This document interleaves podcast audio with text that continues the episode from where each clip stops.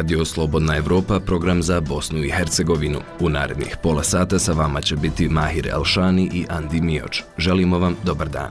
Četvrtak je 11. januar, vijesti dana. Vojnik Eufora bio na obilježavanju dana RS-a po zadatku. Žene žrtve rata podnijele krivičnu prijavu zbog veličanja Ratka Mladića u Višegradu. Majke Srebrenice traže od Šmita da reagira na neustavnu proslavu u Republici Srpskoj. Stari most u Mostaru ponovno između simbola pomirenja i razdvajanja. Sud u Hagu razmatra tužbu Južnoafričke republike protiv Izraela za genocid.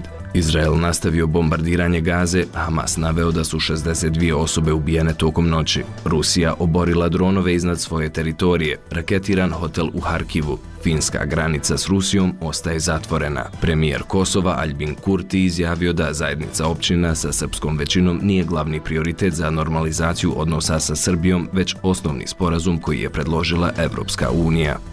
Vrijeme sutra na oblačenje sa sjevera, u Bosni slab snijega, u većem dijelu Hercegovine sunčano vrijeme, u Hercegovini i na jugozapadu Bosne umjereno jaka bura. Najviša dnevna temperatura zraka od minus 4 do 0 stepeni Celzijusa, na jugu od 5 do 9 stepeni. U emisiji između ostalog poslušajte. Mladi na protestu u Sarajevu traže više novca za kupovinu stana. Mladi su razočarani, najgora su veca zadnjih 7-8 godina. Tu smo zbog svih nas i zbog djece koja će doći na red posla nas i mladi ljudi koji će doći na red posla nas, jer ako odu svi mladi iz Bosne i Hercegovine, nećemo imati nikog drugog da stane. Od više stotina inovativnih lijekova koji su u posljednje četiri godine uvedeni u protokole liječenja u zemljama Evropske unije, samo desetak ih je na raspolaganju oboljelima u Bosni i Hercegovini. Ana Petrović, direktorica Udruženja inovativnih proizvođača lijekova u BiH, objašnjava. Od 164 lijeka koja su registrirana u protekle četiri godine, u Bosni i Hercegovini je dostupno samo 12, a prosjek Evropske unije je 76. Ostanite s nama. Radio Slobodna Evropa, program za Bosnu i Hercegovinu. Vojnik Eufora bio je na zadatku i misiji i dio je Euforovog tima za vezu i posmatranje s lokalnom zajednicom, rekli su za Radio Slobodna Evropa iz mirovne misije Evropske unije u Bosni i Hercegovini. Odgovor je to na objavljenu fotografiju pripadnika misije koji je prisustvovao obilježavanju neustavnog dana Republike Srpske u općini Milići na istoku Bosne i Hercegovine. Više u izvještaju Melise Teletović. Iz Eufora za Radio Slobodna Evropa kažu kako su posvećeni nepristrasnosti svim građanima Bosni i Hercegovine te da doprinose sigurnom i stabilnom okruženju. Potvrdili su da je Euforov vojnik dio tima za vezu i posmatranje. Zadatak i misija Eufora u Bosni i Hercegovini je da štiti ustav Bosni i Hercegovine, ali i da građanima te zemlje osigura mir i stabilnost. Trenutno je u Bosni i Hercegovini više od 1100 vojnika Eufora. Evo što su iz Eufora kazali za radio Slobodna Evropa. Možemo reći da je vojnik koji se pojavio na slici član tima za vezu sa lokalnom zajednicom i vlastima, Jedan od redovnih zadataka članova toga tima je da posmatraju lokalna dešavanja kako bi stekli svijest o potrebama i brigama ljudi.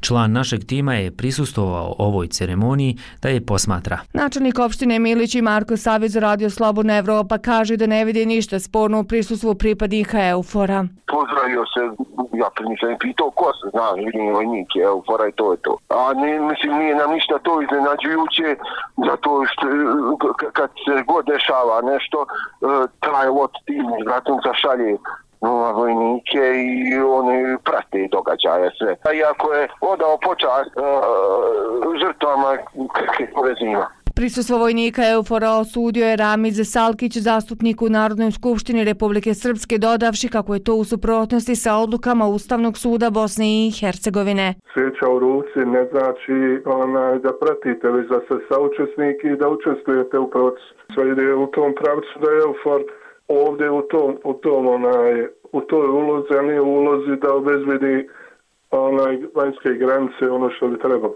Ustavni sud Bosne i Hercegovine tri puta je presudio da je 9. januar kao dan Republike Srpske neustavan jer diskriminiše Bošnjake i Hrvate.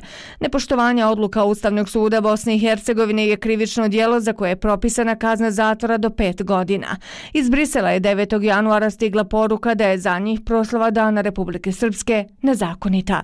Za Radio Slobodna Evropa iz Sarajeva, Melisa Teletović. Udruženje žena žrtva rata podnijelo je krivičnu prijavu protiv više osoba tužilaštvu Bosne i Hercegovine jer su, kako se navodi, počinili krivično djelo izazivanjem nacionalne, rasne i vjerske mržnje, razdora i netrpeljivosti tokom proslave Neustavnog dana Republike Srpske u Višegradu. U saopćenju udruženja koje prenosi FENA navodi se da su 8. januara uoči Neustavnog dana RS-a 9. januara u večernjim satima u Višegradu na mostu Mehmed Paše Sokolovića na kojem su počinjeni počinjeni brojni zločini nad bošnjacima istakli oficirsku kapu ratnog zločinca Ratka Mladića. Tada su skandirali ime ratnog komandanta vojske RS-a koji je zbog genocida i drugih zločina osuđen na doživotnu kaznu zatvora. Iz udruženja ističu da su tokom istog događaja pjevane i pjesme kojima se vrijeđa dostojanstvo drugog naroda, pozivajući na mržnju i netrpeljivost, navodeći da su prijavu podnijele i Visokom sudskom i tužilačkom vijeću BiH. Dodaje se da je krivična prijava podnesena protiv Novaka Kneževića iz Višegrada koji je objavio video o proslavi na YouTube-u te protiv NN lica koja su organizirala, odobrila i nisu spriječila okupljanje na mostu Mehmed Paše Sokolovića u Višegradu. Majke Srebrenice i Podrinja pozvale su na mirnim protestima u Tuzle visokog predstavnika u Bosni i Hercegovini Kristijana Šmita da reagira na neustavnu proslavu 9. januara kao dana Republike Srpske. Članica udruženja žene Srebrenice Nura Begović izjavila je za Fenu da se prije dva dana obilježio 9. januar, datum kada su donesene odluke koje su dovele do genocida u Srebrenici. Kako je istakla, potrošeno je za te svrhe milion maraka, a učenici u Srebrenici primjerice nemaju autobus do škole. Obični ljudi nemaju ništa od te parade. Pošto je proslava tog dana neustavna, pozivamo visokog predstavnika Kristijana Šmita na reakciju. On je bio u ratu u Sarajevu i dobro zna šta se ovdje događalo, izjavila je za Fenu članica udruženja žene Srebrenice Nura Begović. Majke Srebrenice i Podrinja okupljaju se svakog 11. u mjesecu u spomen na žrtve genocida u Srebrenici. Slobodna Evropa.org Budite online s radijom Slobodna Evropa. Više od 50 mladih protestiralo je danas u Sarajevu nezadovoljno visinom subvencije za rješavanje stambenog pitanja. Od vlade kantona Sarajevo dobili su subvenciju u iznosu od 4800 maraka, iako im je ranije premijer kantona Sarajevo Nihad Uk obećao više od 10.000 maraka. Mladi su naveli da su poniženi i diskriminirani jer su rezultati konkursa objavljeni 27. decembra bez mogućnosti žalbe, informira Kristina Gađe. Mladi su s premijerom kantona Sarajevo Nihadom Ukom održali sastanak gdje je premijer obećao predložiti da se odluke o subvenciranju mladih za rješavanje stambenog pitanja promjene. Alisa Ibrahimović, jedna od protestantkinja, kaže da je nakon dugo vremena uspjela dignuti kredit za kupnju stana. Smatra da ova odluka odbija mlade da ostanu u Bosni i Hercegovini. Trebalo su popraviti kriteriji i pomoći svima nama zajedno, jel? Da ostanemo u Bosni i Hercegovini. Znate i sami kako je teško živjeti u Bosni i Hercegovini, raditi u Bosni i Hercegovini. Tu smo zbog svih nas i zbog djece koja će doći na red posle nas i mladi ljudi koji će doći na red posle nas, jer ako odu svi mladi iz Bosne i Hercegovine, nećemo imati nikog drugog da stane ispred nas. Dali su kratak rok da predamo dokumente, e, svi smo žurili da predamo dokumente, nismo ni obraćali pažnju na rok boravka u Sarajevu ili da je stan preko 300.000, gledali smo da predamo, jel, svako ko je normalno uzeo stan da bi mogli da dobijemo subvenciju i onda je bilo, došlo se pred gotov čin, to je to, onda su naknadno izbacili neke nove obavijesti da moramo predati za te subvencije. Mislim da se razumijemo, neko ko kupi stan od 300 ili 500.000 konvertibilnih maraka, da li njemu treba subvencija? Ako ćemo te kriterije mijenjati, onda to je to. E, to je glavni problem, ja mislim, ovog svega. Subvenciju za rješavanje stambenog pitanja dobilo je 1142 mladih. Mladi navode da će nastaviti protest ukoliko se ne postigne sporazum i osiguraju novčana sredstva. Mirnes Muminović, jedan od protestanata. Mladi su razočarani. Najgora subvencija zadnjih 7-8 godina. Možda najbolje da, da izdamo stanovi da odemo vani negdje, da, da, da i ostavimo ovdje, da, da, da, da odemo iz zemlje. 4800 jako mali onaj dio onoga koliko smo dali mi. Mi smo za, samo za PDV su neki dali preko 20.000 državi.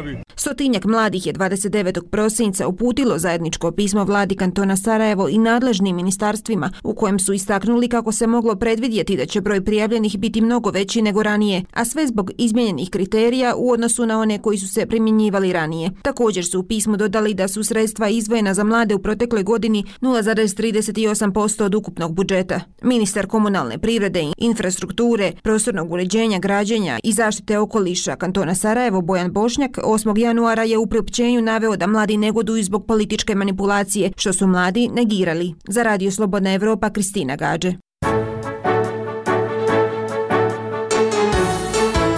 Radio koji vas nije iznevjerio. Radio Slobodna Evropa. Slušajte nas svaki dan u 15 sati. Najmanje osam ljudi poginulo je u izraelskom napadu u blizini bolnice Al-Aqsa u centralnoj Gazi. Međunarodni sud pravde u Hagu razmotriće tužbu Južnoafričke republike koja traži hitne privremene mjere za ustavljanje sukoba u Gazi te sadrži optužbu da Izrael čini genocid na tom području. Četiri ukrajinske bespilotne letjelice presretnute su i uništene iznad teritorije regija Rostov, Tula i Kaluga, prenijelo je Rusko ministarstvo odbrane. Vijesti iz svijeta pripremila Meliha Kešmer. U posljednja 24 sata Hamas je prijavio 62 smrtna slučaja širom palestinske teritorije. U izraelskom napadu u blizini bolnice Al-Aqsa u centralnoj Gazi poginulo je najmanje 8 ljudi. Izraelske zračne snage navele su u objavi na mreži X da su ubile trojicu terorista dok su izlazili iz tunela u izbjegličkom kampu Megazi u centralnoj Gazi. Sukobi se nastavljaju u trenutku posjete šefa američke diplomatije Antonija Blinke na Bliskom istoku u nastojanju da zaustavi širenje konflikta između Izraela i Hamasa. Glasnogovornik Ujedinjenih naroda Stefan Dužarik kazao je da je samo jedna petina kreveta dostupna od 5000 potrebnih za hitne potrebe u Gazi. Najmanje 1200 ljudi je ubijeno kada je Hamas napao Izrael 7. oktobra, a oko 240 je uzeto za taoce. Ministarstvo zdravlja u Gazi, kojim rukovodi Hamas, navodi da je najmanje 23.357 ljudi ubijeno u toj palestinskoj teritoriji otkako je Izrael započeo kampanju odmazde. Međunarodni sud pravde u Hagu razmotriće tužbu Južnoafričke republike koja traži hitne privremene mjere za ustavljanja sukoba u Gazi te sadrži optužbu kako Izrael čini genocid na tom području. Južnoafrička republika koja je pokrenula slučaj traži od suda da hitno djeluje kako bi zaštitio palestinski narod od daljnje, ozbiljne i nepopravljive štete prema konvenciji o genocidu koja se i dalje nekažnjeno krši. Rusko ministarstvo odvrene izvijestilo je da su četiri ukrajinske bespilotne letjelice presretnute i uništene iznad teritorije regije Rostov, Tula i Kaluga. Ministarstvo je javilo da nema žrtava. Guverner Kaluge Vladislav Šapša rekao je da je jedan dron eksplodirao iznad benzinske pumpe u Kalugi, oštetivši zgradu, ali nije izazvao požar. Umeđu vremenu povrijeđeno je 11 osoba u ruskom raketnom napadu na hotel u centru ukrajinskog grada Harkiva, uključujući turske novinare koji su ocijeli u hotelu, rekao je regionalni guverner Oleh Sinehjubjov. Vlasti Irana uhapsile su 35 lica u vezi sa napadima 3. januara u gradu Kermanu na jugoistoku zemlje, saopćilo Iransko ministarstvo obavještajnih službi. Ministarstvo identificiralo jednog od dvojice bombaša samoubica kao državljanina Tadžikistana, koji je ilegalno ušao u Iran 19. decembra. Prema riječima neimenovanog izvora, hapšenja su izvršena u nekoliko iranskih pokrajina. Za radio Slobodna Evropa, Meliha Kešmer. Dnevno et RSE. Pregled regionalnih i svetskih događaja dana. Francuski predsjednik Emmanuel Macron imenovao je 34-godišnjeg francuskog ministra obrazovanja na čelo nove vlade. Gabriel Attal, bivši socijalista i bliski Macronov saveznik, dobio je zadatak da sastavi novi kabinet kako bi postao najmlađi premijer u istoriji moderne Francuske republike, kao i prvi koji je otvoreno rekao da je homoseksualac.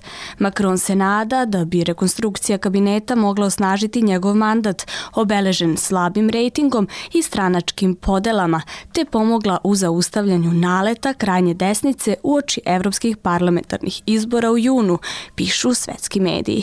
Kada se Emmanuel Macron, tadašnji ministar ekonomije, odvojio od Francuske socijalističke partije 2016. kako bi se kandidovao za predsjednika, njegova poruka o modernizaciji Francuske privukla je mnoge mlade ljude, među kojima je bio i tada 27-godišnji Gabriel Attal. Sedam godina kasnije, Macron, koji je izabran za najmlađeg predsjednika Francuske, izabrao je Atala za najmlađeg premijera Francuske sa 34 godine kako bi razdrmao svoj posrnuli drugi mandat, piše Financial Times. Štićenik je, naglašava list, doživeo meteorski uspon na raznim pozicijama u vladi, uključujući nedavno kao ministar obrazovanja, a pre toga kao port parol vlade tokom pandemije COVID-19. Međutim, prema oceni Financial Timesa, imenovanje Atala je rizičan potez i iznenađujući izbor Makrona, čija prethodna tri premijera nisu bila poznata niti prihvaćena kada su imenovani. Iako je Atal snažan debatant i govornik, nametanje njegovog autoriteta iskusnijim teškašima iz kabineta može se pokazati kao izazov, naglasio je list ukazujući da će Atal, kao i prethodna premijerka Elizabeth Bourne, morati da se cenka sa opozicionim poslanicama. S obzirom na to da Makronova centristička alijansa više nema većinu u parlamentu. Još jedan težak test su, prema pisanju londonskog lista, izbori za Evropski parlament u junu, u oči kojih Makronova stranka u anketama zaostaje za Lepenovom za oko 10 poena. Pregled regionalnih i svetskih događaja dana potražite na dnevnoet.rse. Slobodna Evropa.org. Srbija nije ruski protektorat, već nezavisna zemlja bez utjecaja istoka ili zapada, izjavio je predsjednik Srbije Aleksandar Vučić. On je tako reagirao na izjavu britanskog ministra vanjskih poslova Davida Camerona koji je nazvao Srbiju proksijem Rusije.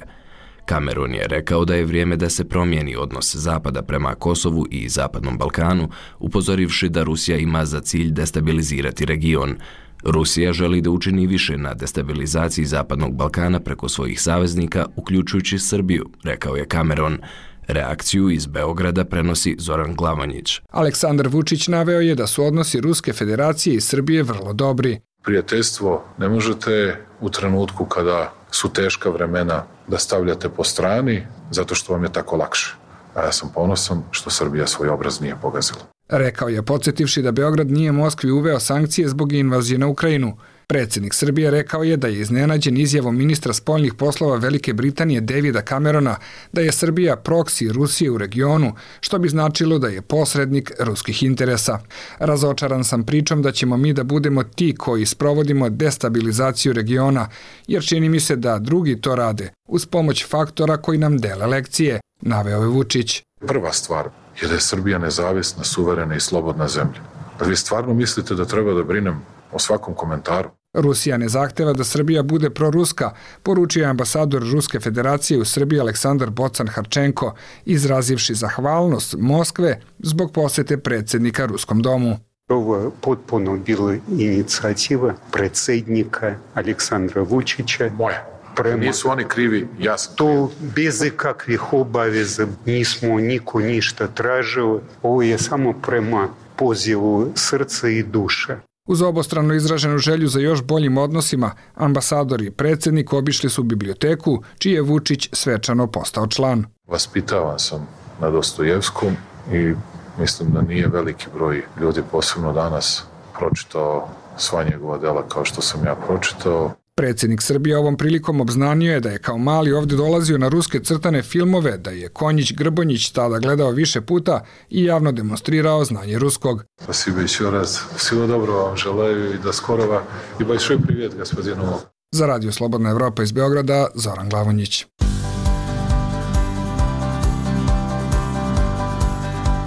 Mladi su naša budućnost. Mladi su naša budućnost. Mladi su naša budućnost. Na mladima svijet ostaje. Na mladima svijet ostaje. Na mladima svijet ostaje. Dajte mladima šansu. Dajte mladima šansu. Dajte mladima šansu. To je ono što se govori, a čujemo. Mladi ovakvi, mladi onakvi, apatični, nezainteresovani. Mladima je sve jasno. Oni u suštini razumiju da se njima ovde niko ne bavi, da su oni ovde, kako da kažem, trenutno su glasačko telo, a u slučaju frke mogu da budu i topovsko meso, pa to, ili si meso ili si telo. Da li se glas mladih čuje? Bosna nije, nije zemlja gdje se da nekako mladima puno prilika, ne da im se do znanja da mogu imat glas, da nose glas, da su bitnije. A šta nam oni mogu ponuditi? Hvala vam ljudi što slušate ovo, ako vas mogu ponuditi jednom glumom od koje ja živim. Jedan podcast nudi im da kažu ko su i šta rade. I tada mi je rekao fizički interspolna osoba. E ja gledam u njega, mislim ono, ja gledam u njega, čovjek gleda u mene i ono, ja ne znam uopće, mislim šta sam ono. Slušajte nas svake subote na podcast aplikacijama. Od 164 inovativna lijeka koja su u posljednje četiri godine registrirana i uvedena u protokole liječenja u zemljama Evropske unije, samo 12 ih je na raspolaganju oboljelima u Bosni i Hercegovini. Zbog obimne administracije i rasparčanosti zdravstvenog sistema ispaštaju pacijenti, naročito oni sa rijetkim i teškim bolestima, čiji životi zavise od dostupnosti lijekova. Tema Šejle Ibrahimović. Sadeta Drakovac svakog mjeseca ide po terapiju za dvoje maloljetnika. Boluju od rijetke genetske bolesti fenilketonurije. Dio terapije je prije godinu uvršten na kantonalnu listu lijekova, dok ostatak i posebnu ishranu nabavlja sama već godinama. Uopšte nismo imali u državi ovaj, ti, te hrane ni, ni lijekova. E, nabavljali smo iz, barem ja sam nabavljala iz svih zemalja, ali najjeftinija i najbliža mi je solucija bila Hrvatska i tu sam ovaj, nabavljala, išla tamo po to sve i prenosila naravno u našu državu, mogu slobno reći na lijepe oči graničnih službenika. Terapija za ovu bolest je doživotna. Mjesečno lijekovi i hrana koštaju i do 5000 maraka. Stavljanjem lijeka na listu troškovi su umanjeni za pola. Ako se ne liječi, bolest može dovesti do teških intelektualnih smetnji.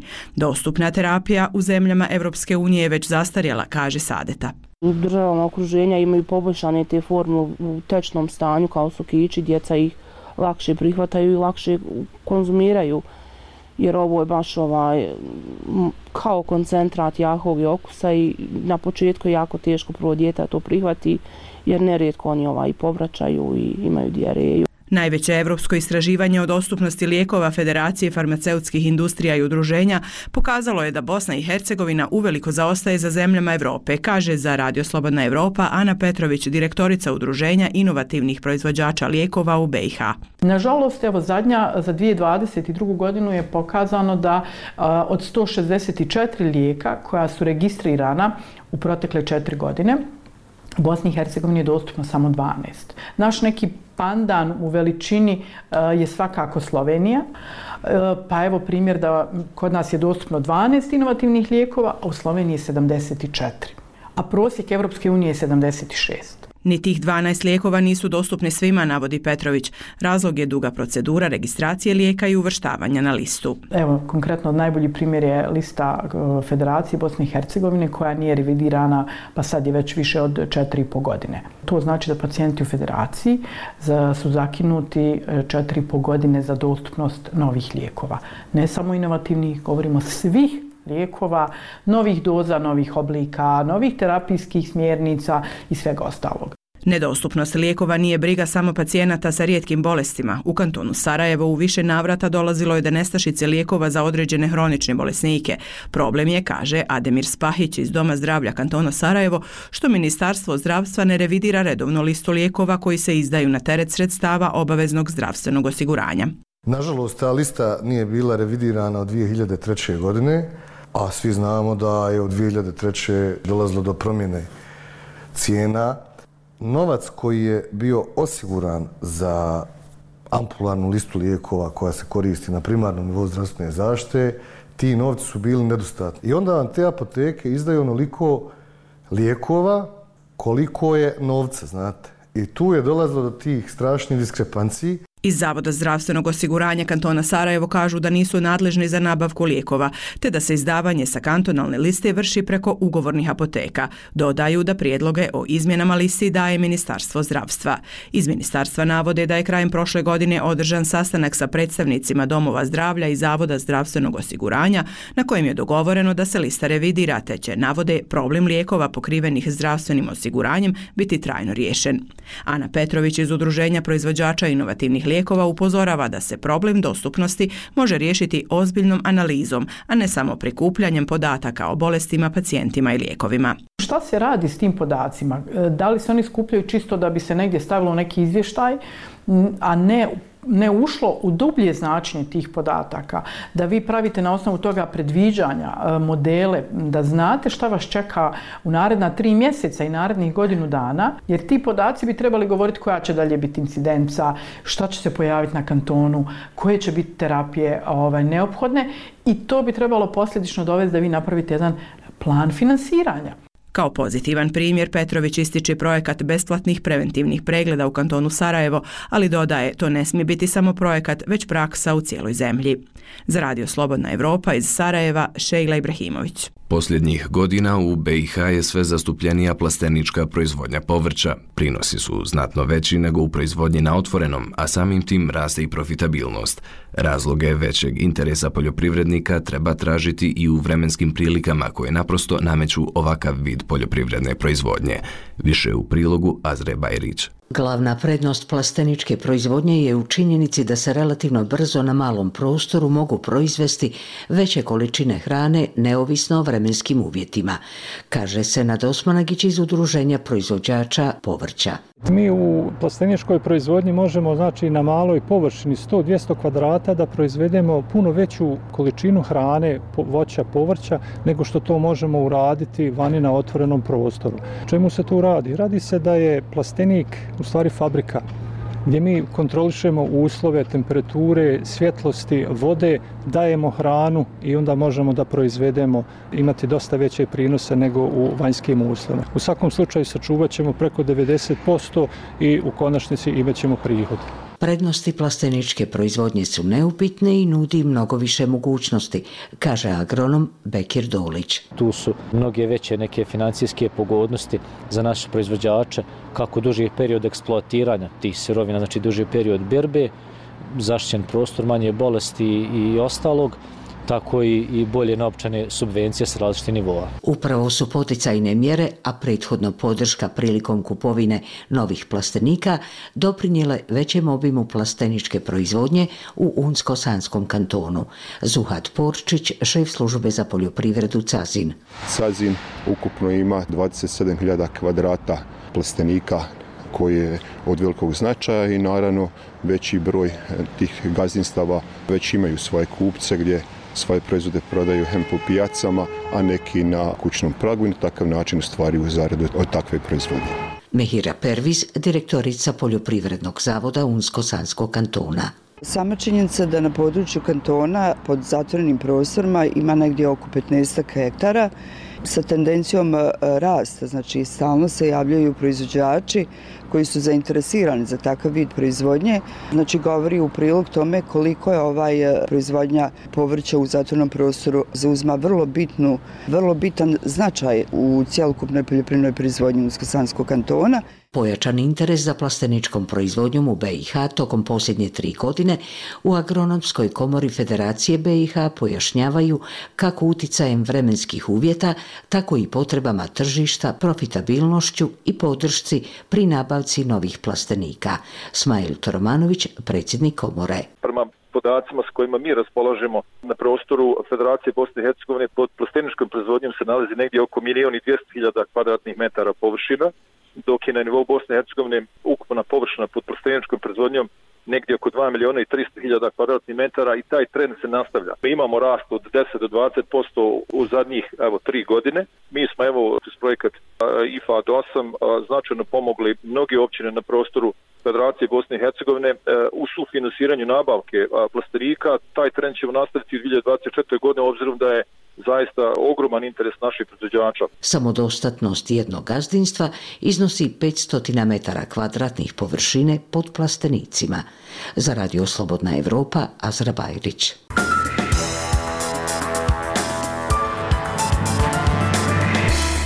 Slušali ste emisiju Radija Slobodna Evropa za Bosnu i Hercegovinu. Sve naše sadržaje možete naći na web stranici slobodnaevropa.org, dok podcaste Zaviri ispod površine, glasom mladih i između redova, osim na web sajtu možete naći i na Facebooku, kao i na Spotify, Google podcastima i iTunesu. Sa vama su u proteklih pola sata bili Mahir Elšani i Andi Mioč.